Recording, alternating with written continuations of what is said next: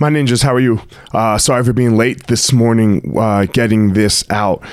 Uh, you know, life happens sometimes. So, excuse me. Anyway, look, I posted this on my story the other day, or I don't know where I posted it. I posted it somewhere. Um, and I want to ask you all a question. We always say these words what if, right? Like like what if this and what if that and all of our what ifs are bad. right? They're they're all they're all these like what if the world falls apart? What if World War 3 happens? What if coronavirus comes back up and they make us uh, you know, wear the mask and all this? It's always in the negative. I want to flip the what if. What if it worked out, motherfuckers? What if all your dreams came true? What if every single thing you were planning and every single thing that you wanted to happen in your life worked out? What if that? Because that's just as likely as the other what ifs.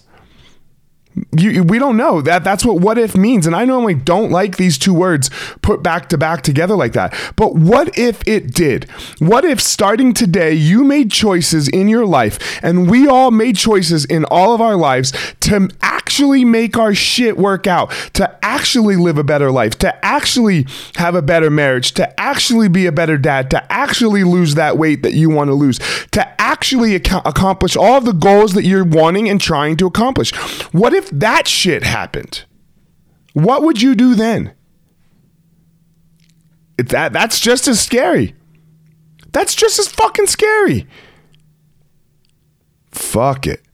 Let's go. Let's go. Let's make it happen. Let's make it happen. Let's make all of our dreams and all of the things that we want to happen come true. Why won't you? Why won't you try? For most of us, it's because we're scared that we're going to fail. Go ahead, be a failure. Watch how great being a failure turns out. Watch, I guarantee you, this is going to turn out fucking amazing for you. Your failure. I guarantee you, if you really try. Not if you don't try. If you don't try, if you don't try to make it happen, then then all of the things that you aimed that you said, "Oh no, no, I don't, I don't want to, I don't want to, I don't want to," and then then then yeah, that doesn't work out. But if you really fucking try, if you really try to go out there and be amazing, if you really try to be a great dad, and if you really try to be a great husband, and if you really try to to get that new job, and if you really try at all the things that you want to accomplish, it's going to work out. That thing might not work out. I'm not promising that. But life is going to work out. So I want us to ask another what if question right now. Write it down. Stop, pull over your car.